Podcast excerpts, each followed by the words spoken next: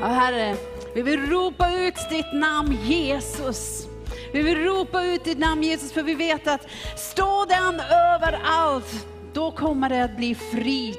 Då kommer det att bli helande, då kommer det att bli upprättelse Herre. Och vi tror på den kraften och den hoppet som Jesus har för oss och för vår värld. I Jesu namn, Amen.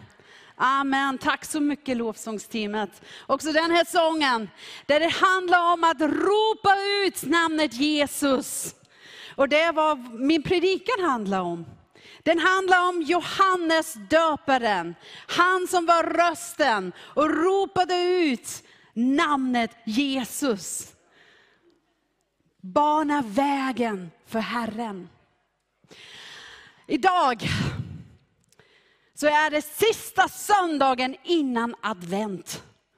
Innan juletid, innan julsånger och julfilmer och julbak, även om de försöker att vi börjat tidigare och tidigare, eller hur? Alltså när man ser chokladtomter i oktober.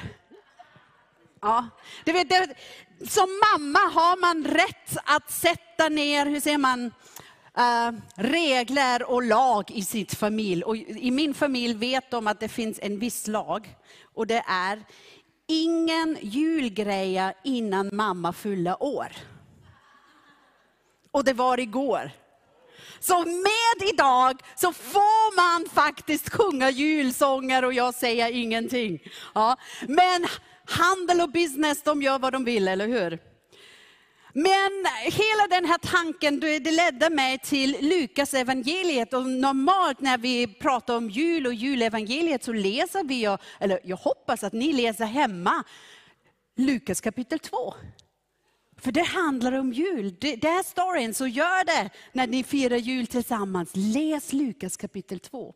Men idag vill jag predika om Lukas kapitel 1. Det som händer innan julen. Och jag vill ta er med till Lukas kapitel 1 och vi läser verserna 5 till 25. Har vi det där? Lukas kapitel 1, 5 till 25.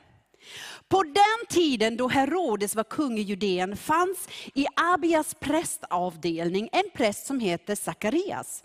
Hans hustru var av Arons släkt och hette Elisabet. Hon hade, de hade namnsdag igår också. Mm. Båda var rättfärdiga inför Gud och levde fläckfritt efter Herrens alla bud och föreskrifter. Men de hade inga barn eftersom Elisabet var ofruktsam och båda var till åren. En gång när turen kom till Sakarias, Sakarias, så säger man, Sakarias avdelning och han var i tjänst som präst inför Gud, fick han vid prästernas sedvanliga lottning uppdraget att gå in i Herrens tempel och tända rökelseoffret. Vid tiden för rökelseoffret stod allt folket utanför och bad. Då visade sig en Herrens ängel för honom, stående till höger om rökelsealtaret. Sakarias blev förskräckt vid synen och greps av fruktan. Men ängeln sade till honom, var inte rädd Sakarias. Din bön har blivit hörd. Din hustru Elisabet ska föda en son åt dig och du ska ge honom namnet Johannes. Han ska bli din glädje och fröjd och många ska glädja sig över hans födelse. För han ska bli stor inför Herren. Vin och starka drycker ska han inte dricka och han ska bli uppfylld av den heliga ande redan i moderlivet. Många av Israels barn ska han omvända till Herren deras Gud. Han ska gå före honom i Elias ande och kraft, för att vända fädernas hjärtan till barnen och ge dem trotsiga ett rättfärdigt singe och skaffa åt Herren ett folk som är berett. Då sade Sakarias, nej, Sakarias till ängeln, hur ska jag kunna vara säker på det? Jag är gammal och min hustru är till åren. Ängeln svarade honom, jag är Gabriel som står inför dig, inför Gud, och jag är sänd för att tala till dig och ge dig detta glädjebud. Nu ska du bli stum och inte kunna tala förrän dagen då det sker. Därför att du inte trodde mina ord. De kommer att gå i uppfyllelse när deras tid är inne. Ja, nu har någonting hänt här, förlåt. inne. Folket stod och väntade på Sakarias och de undrade varför han dröjde så länge inne i templet. När han sedan kom ut kunde han inte tala till dem och de förstod att han hade sett en syn i templet. Han gjorde tecken åt dem men förblev stum. När dagarna för hans tjänstgöring var över återvände han hem. En tid därefter blev hans hustru Elisabet havande. Och hon drog sig undan i fem månader och sade, detta har Herren gjort med mig. I dessa dagar såg han till mig och tog bort min skam bland människor. Det var långt, men det var viktigt. För jag vill att vi tittar på Johannes döparens liv. Före hans offentliga tjänst. För vi vet ju de här berömda ord som han säger när han mötte Jesus på dop, Jesu dop och vad han predikade. Men jag vill titta lite grann på den tiden där han inte var ute och predikade. Och frågan som jag ställde mig var egentligen, vad formade Johannes? Vem formade Johannes? Vem var sina lärare? Hur kunde han följa Guds vilja? En sak som vi måste komma ihåg var att Johannes döparen var den första profeten som Gud sände efter en 400-årig tystnad. 400 år hade Israel ingen profet. De var van med det. Profeterna var rösten av Gud, så kommunicerade Gud. Och så blev det tyst. Och så plötsligt kallade Gud ett barn. Hur skulle han veta vad han skulle göra om ingen har gått före honom? Och det ställde jag mig den här frågan. Han som skulle plötsligt bara säga, bana vägen för Messias.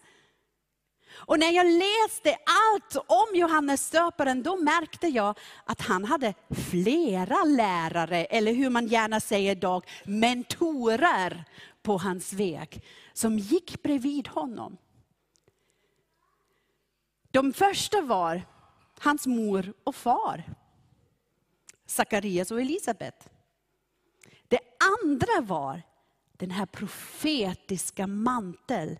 Det som han kunde läsa och höra om de som kom innan honom och tjänade som profeter. Och det tredje, det var ökentiden som han gick igenom. Ett annorlunda sätt att lära sig. Och vi tänker lite så här, ja men de första två, de låter ju rimligt, eller hur? Fina föräldrar, ett, ett, ett, ett stadigt äh, hem, det är ju superbra. Och det här med de här berömda gamla testamentliga profeter som man kan lära sig någonting om, det är ju underbart. Men den tredje, vem, vem vill ha ökan som läraren? Men jag hoppas att på slutet på min predikan, att vi förstår att alla de tre lärare, de finns även i våra liv. Och att vi ska uppskatta dem och att vi ska hedra dem. Så den första, att hedra vår härkomst som mentor. För Johannes var det sina föräldrar. Och det första som vi läser om Johannes döparens far och mor, det kan vi läsa faktiskt, och det är att det används fyra adjektiv som beskriver dem. Båda var rättfärdiga inför Gud och levde fläckfritt efter Herrens alla bud och föreskrifter.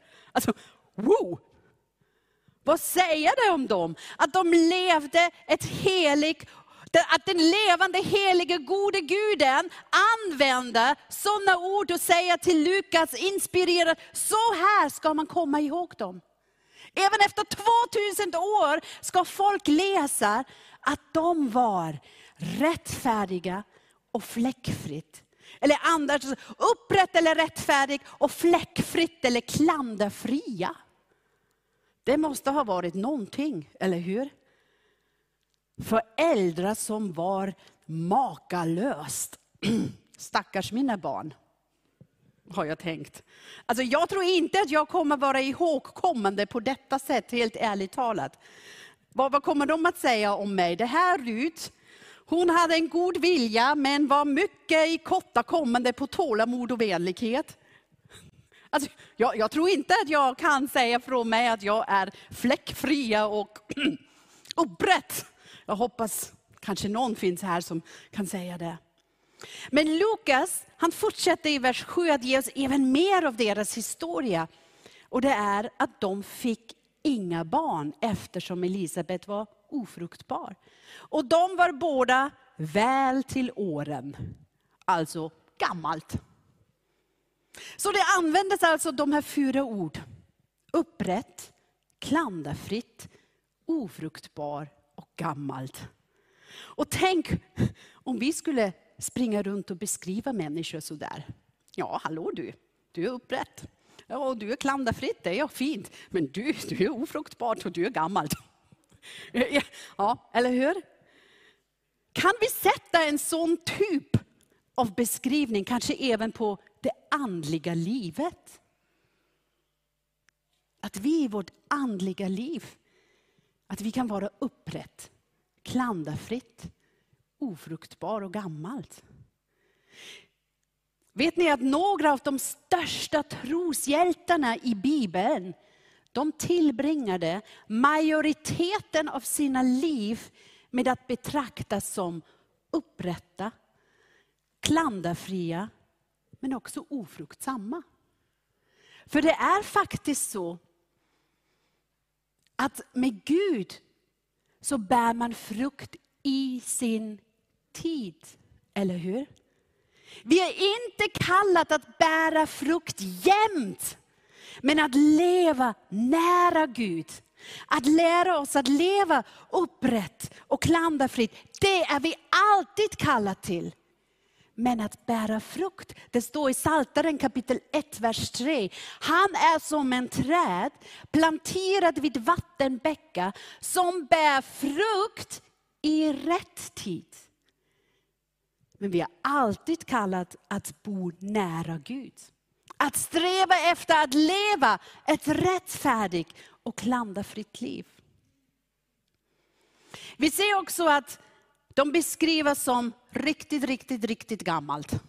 Så mycket att när Sakarias var på tempeltjänsten och Gabriel dyker upp och säger till honom i vers 13 att hustrun Elisabet kommer att ge honom en son.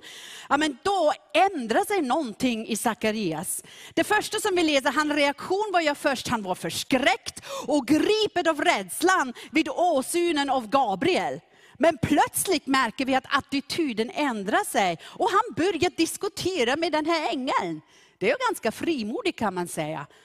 Du vet, plötsligt är det så här att, alltså stanna där Gabriel, alltså, förlåt nu, men, men alltså, jag vet inte om du fattar vem vi är. Jag är gammal, hon är gammal, det går inte längre. Vi har försökt hela vårt liv. Kan du inte acceptera det? Vi har accepterat det. Alltså kom on nu.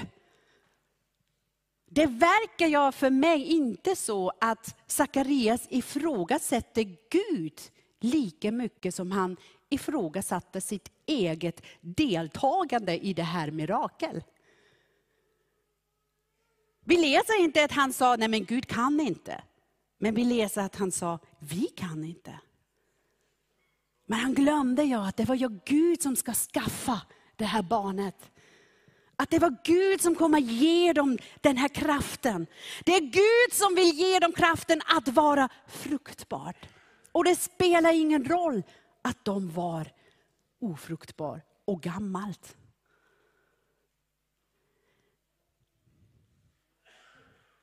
De kände, eller Sakarias kände att det var han och Elisabet själv som stod i vägen för sitt mirakel.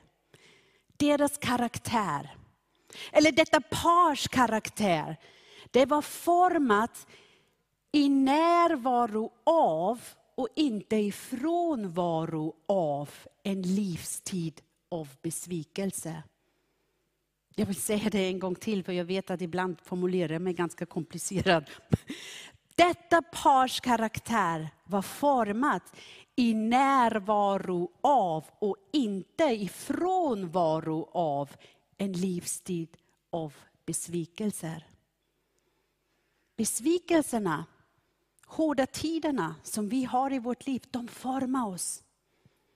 Och det är också på grund av dem att vi blir formade av Gud.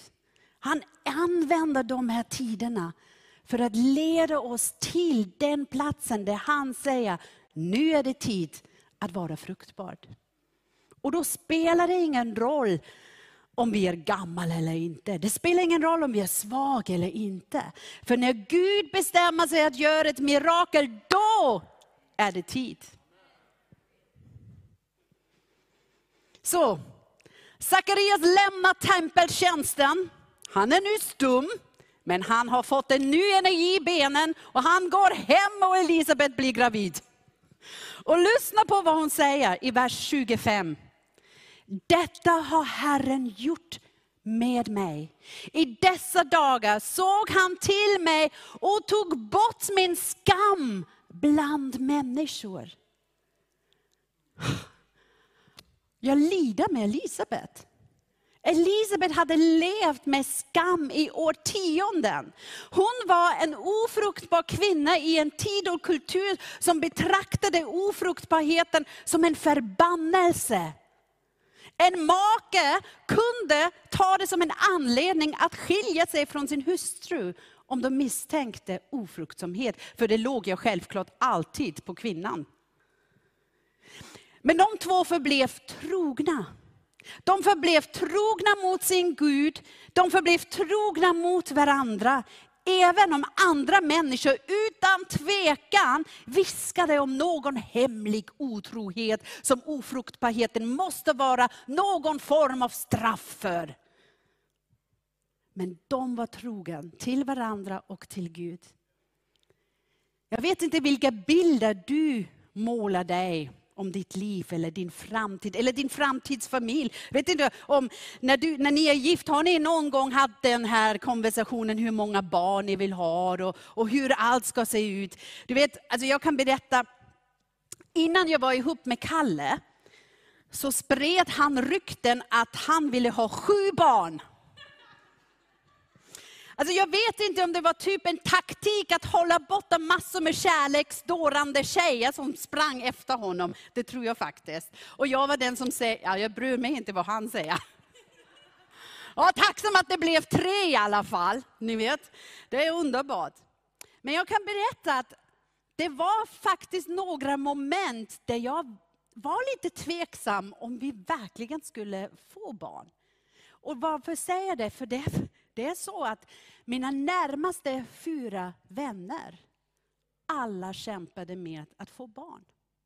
Och av de fyra så är det bara en som har fått ett enda barn efter mycket medicinsk hjälp.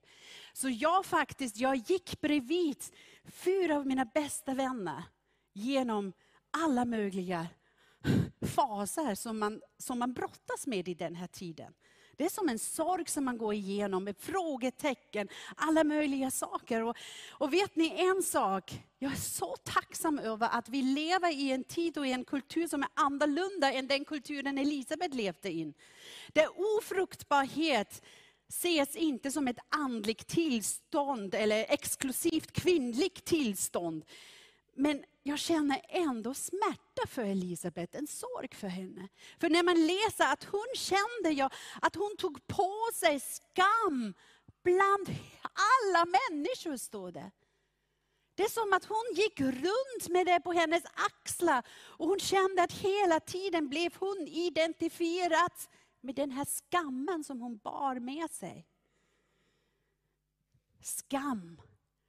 Det lät också så att det var hennes identitet på något sätt. Hon, hon bestämde sig att äga den framför hela folket. Det är tungt. Skam. Du vet, det är inte logiskt att hon ägde skammen, men skammen den är aldrig logisk tror jag. Skammen är klibbig. Det håller sig fast på oss i våra skuggorna. Ibland klistrar den fast sig på grund av att vad någon annan gjorde och så måste vi bära det. Det blev så som, som ett ryggsäck som man aldrig tar av sig. Ibland fastnar den för oss i skuggan av någon annans synd. Och ibland, som i Elisabets berättelse, så kan skam fastna på grund av vår samhällets eller kulturens synder. Vår kulturs fördomar, vår kulturs stolthet.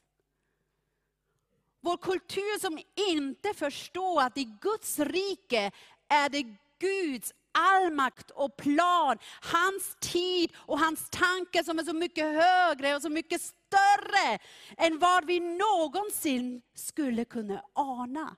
Om vi inte identifierar och överger skam, så kan den faktiskt sjunka ner hos människor rejält. Det kan leda oss till självskam och självförakt. Och vet ni, det kommer inte att böja sig av sig själv. Skam kommer inte att böja sig för logiken. Men det finns en enda handling och en enda substans som kan böja skammen och ta bort den från oss. Och det är Guds nåd. Hans nåd, hans favör, hans kärlek, hans frid, hans upprättelse. Det är det enda som kan lyfta skammen bort från oss. Så vad som upphävde Elisabets skam, det var hennes personliga upplevelse av Guds favör och nåd i hennes liv. Hon gick bort från att se Guds nåd som ett allmänt erbjudande. För vi läser att hon var upprätt. Så hon fattade ju det här, vem Gud var. Men jag tror att i den här momenten så förstod hon, den här nåden, nu blir den personlig. Ja, han älskar världen. Men vet du att han älskar dig? Ja, han visar nåd för alla människor. Men han har visat nåd för dig. Och vi måste höra och förstå att jag kan acceptera det. Jag har det med mig. Gud arbetade i henne och för henne och lät sin nåd vila på henne. Och det var motgiftet mot Elisabets skam. Och det ska också vara det här motgiftet för vår skam. För skam kan sänka dig, men Gud vill lyfta dig. Och jag tror att det finns några av oss här idag som är här, och det är lätt att prata om den allmänt godhet av Gud och den allmän nåd som Gud har och även att sjunga lovsånger, det känns så bra. Men du tvekar faktiskt på att Gud kan göra någonting unikt för dig. Något av en speciell gåva som han har för dig. Och du bär med dig den här skammen. och ibland känns det som att du behöver bära det som en form av självbestraffning för något i ditt förflutna. Du är inte värd mer. Kanske ditt liv och kamp med beroende. Du gömmer hemligt beteende. Det fanns kanske övergrepp i ditt liv, fysiskt eller emotionellt eller även sexuellt och det finns den här skam i dig. Du lever kanske ett dubbelliv för att kunna hantera din skam. Kanske alla möjliga sorts av experiment som, som lämnar dig i förvirring över vem du egentligen är. Och, och så bär du med dig det som skam. Kanske även alla de här rösterna som följde med dig genom barndomen och ungdomstid, som, som skulle forma dig till någonting och så bär du runt det med skam och kan inte lita på vad Gud säger över dig. Men Gud vill göra någonting nytt i ditt liv. Gud har någonting nytt för dig. Och den helige Ande den ropar ut, kanske ibland jättehögt, men kanske ibland bara med en viskande röst i ditt liv och säga, jag har någonting nytt för dig. Han är för dig. Och om du kan acceptera den verkligheten på nya djup, så kommer skam inte att ha någon plats att stå på i ditt liv. Den lyfts och du kommer att uppleva ditt mirakel av att Gud gör någonting nytt. Och skam måste fly. En sak till som jag tänkte på. Kommer du ihåg vers 7, där vi får höra att Sakarias och Elisabet var långt i åldrarna. De var verkligen riktigt gammal. Så vi vet, eller vi kan ana, att, det inte att de inte fanns kvar när Johannes döparen blev vuxen och levde ut profetians löfte. För vi läser ingenstans någonting om dem, att de levde kvar. Jag tror även att det är rimligt för oss att acceptera att, det inte, att de inte fanns även när han vuxte upp och var tonåring. Det är möjligt att hon födde barnet och att de bara kunde vara föräldrar till Johannes döparen i ett par år. Så de föder ett mirakel som de inte kommer att kunna se till att bli fullbordat. Det känns tufft, eller hur? Och då tänker jag lite på att bygga församlingen, det är lite grann så här. Ja, men tänk på den församlingen. Om fem år fyller den församling hundra år. Men vem är här som var med för hundra år? Var är de som kanske köpte första marken, gav kollekt, gav sin tid, byggde upp första byggnaden? Hade visionen så vi ska ha mer bönemöten och be för den här staden. Det har inte vi uppfunnit. Vem var med? De födde mirakel av vår församling. Men de var inte med och se hur den blomstrar nu. Och jag tänkte, det är kanske så, så ibland är vi som Elisabet och Sakarias. Det brinner en eld och det leder till att vi visionerar och vi bygger och vi sliter och vi lägger ner pengar och tid för att, att komma igång. Men så är vi kanske inte med för att se hur allt förverkligar sig. Men vi gör det för dem som följer efter oss. De som bär vidare elden som brinner. Och då är det kanske ibland så att de som kommer efter oss kallar oss, ni var upprätt. Ja, ni var klanderfritt. Men ni var också ofruktbart och gammalt. Ja, och då måste vi bara säga, ja men i vissa faser var vi ofruktbara och nu är vi kanske mer gammalt. Ja, men vi var upprätt och klanderfritt. Och vi gjorde en tid precis det som Gud vill ha så att mirakel kunde, kunde födas. Och nu, nu ser vi hur andra upplever kanske att den blomstrar ut. Ibland är det att vi bara accepterar att det är andra som också föder nya mirakel. För det hoppas jag. Jag hoppas att alla generationer kan föda sina nya mirakel. Att Gud talar in i deras liv och ger dem någonting. Att vi vet att alla har en kallelse och Gud vill skapa någonting. Och det ska vi vara glada över. Så låt oss ära Fader Sakarias och moder Elisabet som upprätt, klanderfritt, ofruktbar och gammalt. Och jag tror att Johannes lärde sig mycket från dem. Det var ett arv som han gick, som han fick. Det andra lärare, det är hans kallelse, profetens mantel som han bar med sig som en mentor. Ni vet Jesus han bekräftade att Johannes var uppfyllelse av de som profeterades i Malaki 3. Och tänk på, Malaki var den sista profeten i gamla testamentet. Efter det var det 400 år tyst och så kom Johannes döparen. Men det är inte bara Malaki som, som profeterade om Johannes döparen, till exempel också Jesaja. Då kan vi läsa mycket om det. Och Jesaja, den här boken är också intressant. Första halvan av Jesaja kan man säga, då, då var det profetierna som var mycket lokalt och för den tiden där de levde in. Andra hälften av Jesaja var mycket om globala saker som kommer att hända. Och, och för en tid långt i framtiden. Och så läser vi om en profet profetia om Johannes döparen som står mitt i Jesaja.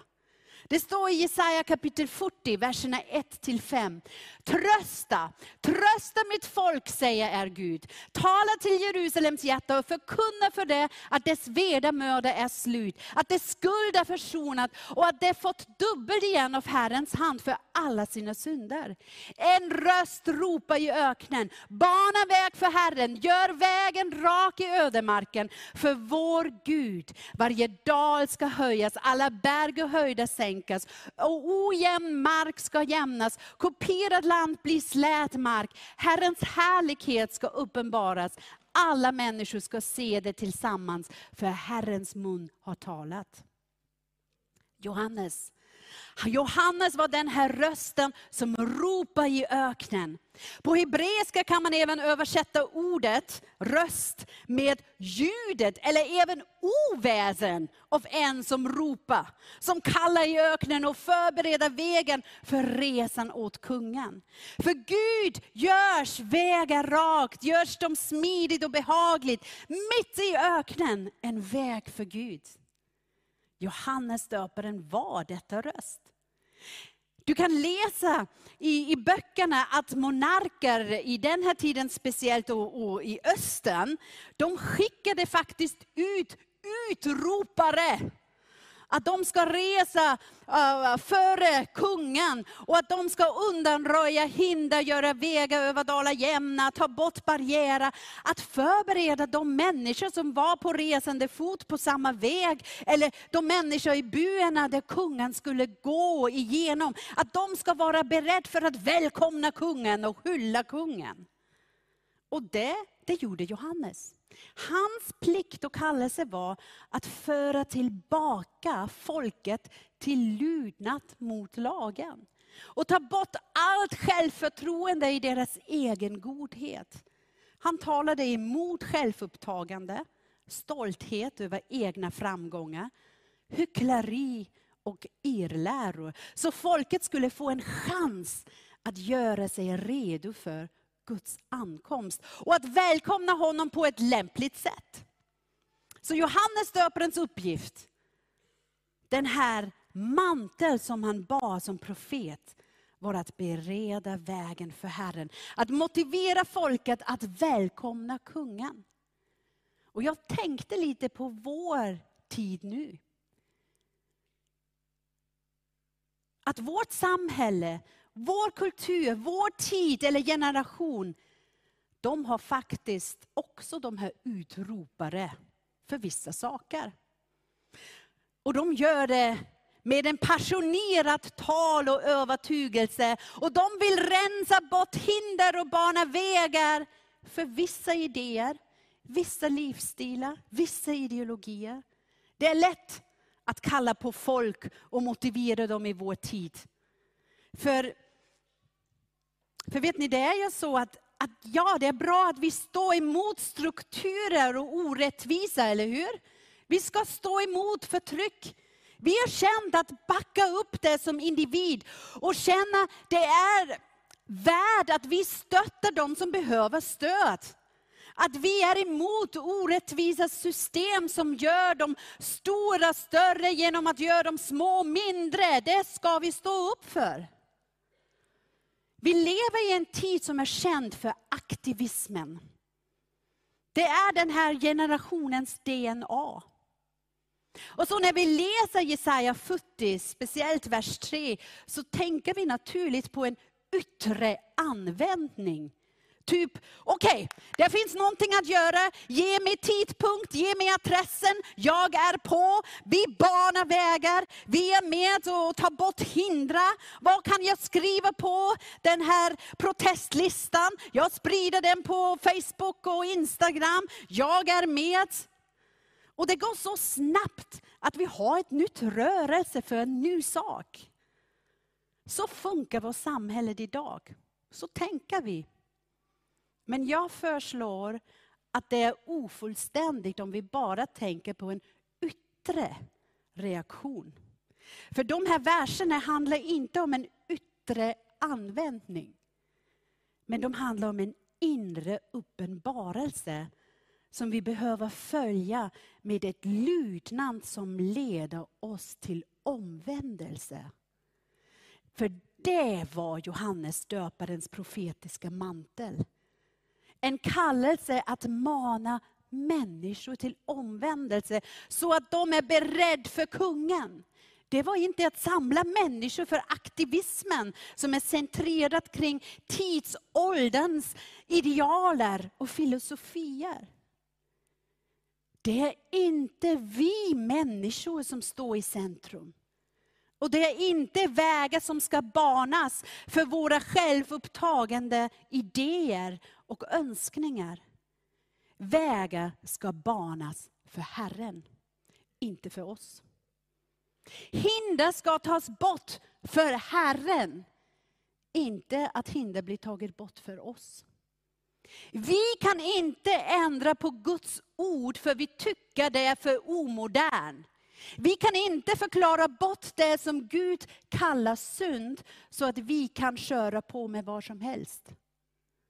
Vi vänder oss bort från oss själva till ett liv med Gud.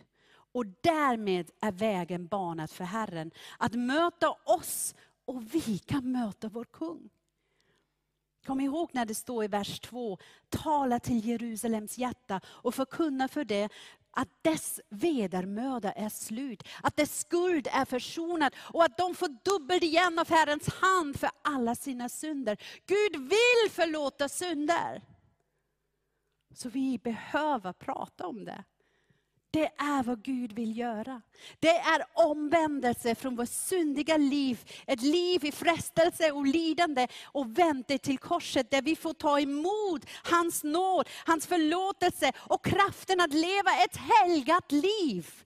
Att sträva efter att leva med och för Jesus. Och det är bara möjligt när vi inte enbart och hela tiden tittar på vår egen spegelbild och följer det. Nej, vänd dig om och titta in i Guds ansikte och låt dig förvandlas.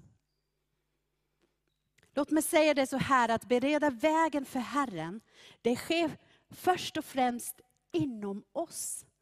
Att bereda vägen för Herren betyder först och främst att leva i Jesu närvaro. Att gå på hans vägar, att följa hans ord och också att bereda vägen för hans återkomst. Johannes han annonserade det första kommande av Jesus. Och vi måste bekantgöra Jesu andra återkomst. Men det känns ibland så att vår förkunnelse i de sista hundra år, de hade så gigantiska pendelslag, säger man, eller hur? Det, det, det gick från det ena extremt till den andra. Det fanns årtionden där man i, i långt, ja, där, man, där, där kyrkorna skrämde upp folk med helvete och evigt förbannelse. Men nu känns det att vi är långt, långt i det andra. Där man nästan aldrig pratar om någonting som sker i evigheten. I vårt samhälle tror jag att de flesta under 40 år, de tror inte alls på himmel och helvete. Även i våra kyrkor finns det de som tror inte att det är verkligen realitet sådär. Och jag tror knappt någon av oss tänker på Jesu återkomst eftersom vi spenderar ju så mycket energi på att försöka skapa himmelriket här på jorden. Med hur vi gestaltar vårt liv. Och så står Johannes döparen i mitten. Han som kallades den största profeten, som var född som mirakelbarn. Och han säger att Jesus kommer. Förbered vägen, gör er redo, gör en rak väg för Gud. Och Johannes var utrustad för att uppmana sin generation att förbereda vägen för Herren. Eftersom innan han någonsin gick grund med hans budskap och upprop till omvändelse, så gick han igenom sin egen omvändelse. Hörni, innan han förberedde vägen för Herren i sin generation, så förberedde han först vägen för Herren personligen i sin egen själ sin egen liv, hans sätt att leva.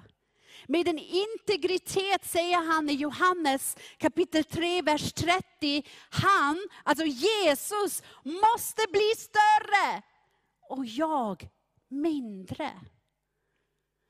Hans omvändelse var bort från att ta sig själv för viktigt och lyfta upp Jesus i hans liv.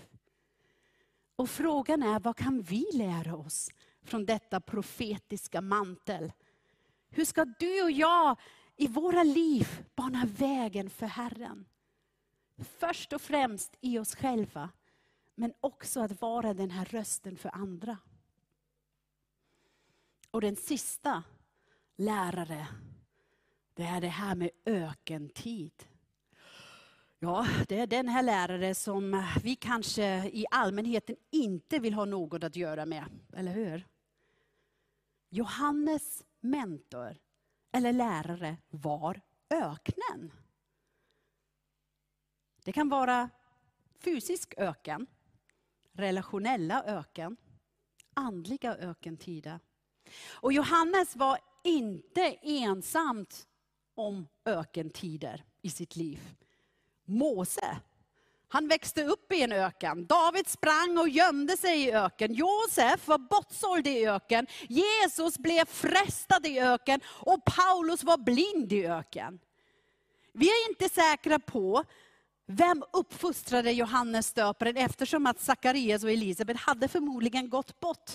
Men vi läser i kapitel 1 av Lukas, 80 vers, ja, 80 ånder, det är ett långt kapitel, precis. Då står det så här.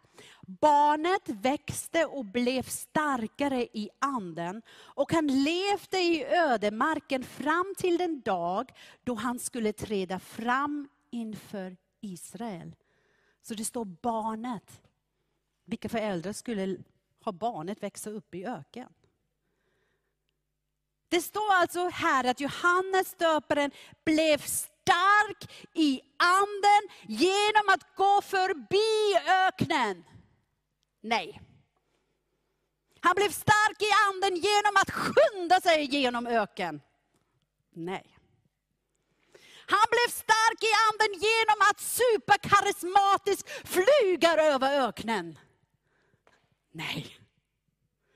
Johannes döparen blev stark i anden genom att leva i öknen. Till han fick klartecken av Gud att nu börja din offentlig tjänst i Israel. Nu ska du vara rösten av en som ropar i öknen. Eftersom du har bokstavligen levt i öken, blev stark i öken, blev formad i öken. Öken blev Johannes mentor. Så nu behöver jag er hjälp. Varje gång när jag räcker upp handen så här så vill jag att ni säger öknen. Okay, kan, vi, kan vi öva? Bra. Johannes levde i... Så kanske ska jag också ibland leva i... Johannes växte upp och lärde sig mycket under sitt liv i så kanske kan jag även själv lära mig någonting i. Johannes växte sig starkt i. Då blir det kanske även jag som kan bli starkare genom. Johannes blev starkare i anden i. Åh Gud, låt mig bli starkare i anden i. Fattar ni? Fattar ni vad det betyder? Åh min själ! Välsigna de hårda platser i mitt liv. Välsigna de karga utrymmena i min själ. Med andra ord, välsigna de sista platserna du vill vara på. För det kanske är precis de som är din mentor, som vi behöver för att bli starkare. Ordet öken på grekiska det är eremos. Och det, när man läser på, eh, i ett ordspråksbok, nej, nej inte ordspråksbok, i en ordbok, tack så mycket. Då, är det, ah, då står det så här, antagligen en ouppodlad mark, obefolkat plats, ett öde område, en karg, enslig plats. Och så står det, som också ger behövlig tystnad och frihet från störningar. Ha! Ökna de finns i alla möjliga former och storlekar och, och, och tidsperioder. Det är varje utrymme där du kan känna dig torr, desperat, övergiven, ensam, tum, ofullständig eller improduktiv. Men det kanske är den förenande egenskapen för alla de här olika typer av öknar, att ingenting är möjligt i de här öknar. Man kan vara ganska nervös, eller rastlös, även ängsligt i öknen, eller hur? Och frånvaror av mätbara saker, frånvaron av saker som kan ta bort vår uppmärksamhet. Jag tror det är precis vår mentors visdom. När det är en öken så ser du även lite oväntade saker. Som en sten, den blev stor i öken. Eller en torr buske blev stor i öknen. För att vi inte har så massor med saker kring runt oss, det, det ger det möjligt för oss att se mindre saker. Och den visar oss som vi har kanske förväxlat konstant sysselsättning med fruktbarhet. Öknen visar oss som vi på fel sätt anser produktivitet med disciplin. Öknen kan även peka ut att vi blandar ihop att ge med att älska. Vet ni, vi behöver en stark tro för att lära oss saker i öknen. Men tyvärr är det ofta så att när vi säger att vi vandrar i tron så är sanningen att vi som generation är högsta grad vandra i våra känslor istället. Och det är verkligen svårt att känna feststämningen och lycklighet när vi går genom en öken öken. Ja. Och därför vill vi inte gå genom öken. För vi lever på känslor. Och är vi inte peppat, ja men då är det inte bra. Men han blev stark i anden i öknen. Vi ska lära oss någonting. Johannes döparen, döparen fick sin mentor av öknens stillhet och han kunde lära att lyssna på det ljudet som han förstod, det här är Guds röst. Han lärde sig att lyssna.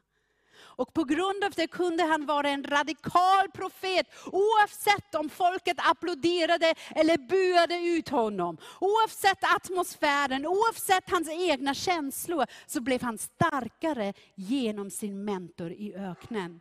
Och kunde kalla sin generation till Jesus. Jag vill att lovsångsteamet kommer upp nu. Jag vill också att vi står upp Frågan är nämligen, om vi vill ha den här manteln som en profet, om vi vill förkunna Herrens dag och ropa ut Jesu goda, goda budskap, så måste vi tillåta Guds ande att även leda oss ibland in i öknen. Och lära oss att leva upprätt och klanderfritt. Så vi har tittat på Johannes döparens far och mor. Vi har reflekterat på hans mantel som vi önskar. Och vi avslutar med att se på hans mentor som vi oftast inte vill ha något att göra med.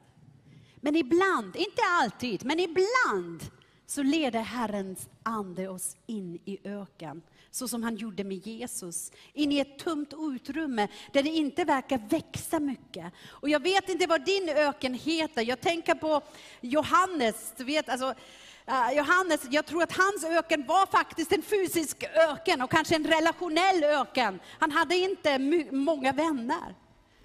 Han kan ha kallat den ensamhet kanske. Han kan ha kallat den andlig torka. Jag undrar om Sakarias och Elisabet kallade deras öken ofruktbarhet eller skam och besvikelse. Eller sorg.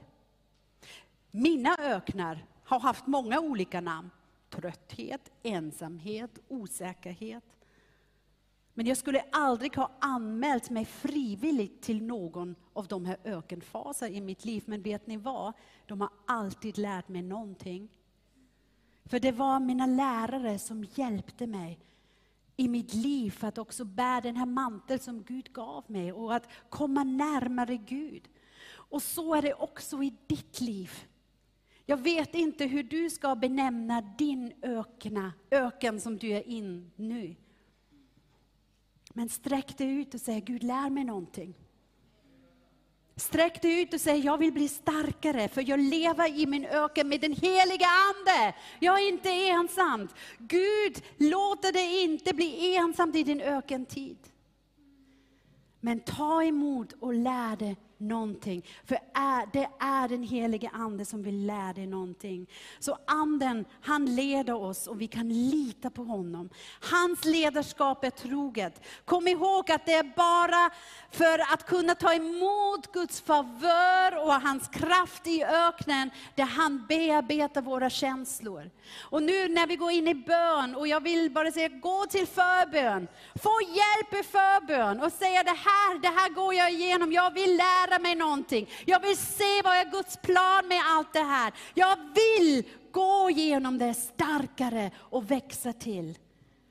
Och låt oss prisa Gud, för det är han som vi ska bana vägar i öken för. Herre, jag tackar dig. Jag tackar dig att att du är den som vi väntar på. Tack att du är vår kung och vi vill vara beredda att möta dig. Och därför Gud, vad du än nu har talat in i vårt liv, vad du har viskat eller ropat under den här tiden, Herre, hjälp oss att se att det kan bära frukt i din tid. Hjälp oss att se hur du hjälper oss att växa, att bli starkare. Hjälp oss att inte bli självupptagen med att allt ska centreras omkring runt oss, men att vi ser dig. Och att vi lär oss att leva och följa dig. Och Herre, vi vill vara beredda för att allt som du har planerat för oss ska verkligen bli verklighet i vårt liv. Och vi vill vara lydig till den heliga Ande i vårt hjärta. Så Herre, nu ber jag att du välsignar var och en. Om det är nya beslut som ska fattas, även kanske för första gången en beslut att, att följa dig Jesus. Att göra gör det rakt, ett nytt liv med Jesus. Att komma till korset och be om förlåtelse av våra synder. Att be att du tar bort skammen och gör någonting nytt i våra liv. Låt det ske idag. Låt det ske idag i Jesu namn. Amen. Amen. Förbensrummet är öppet.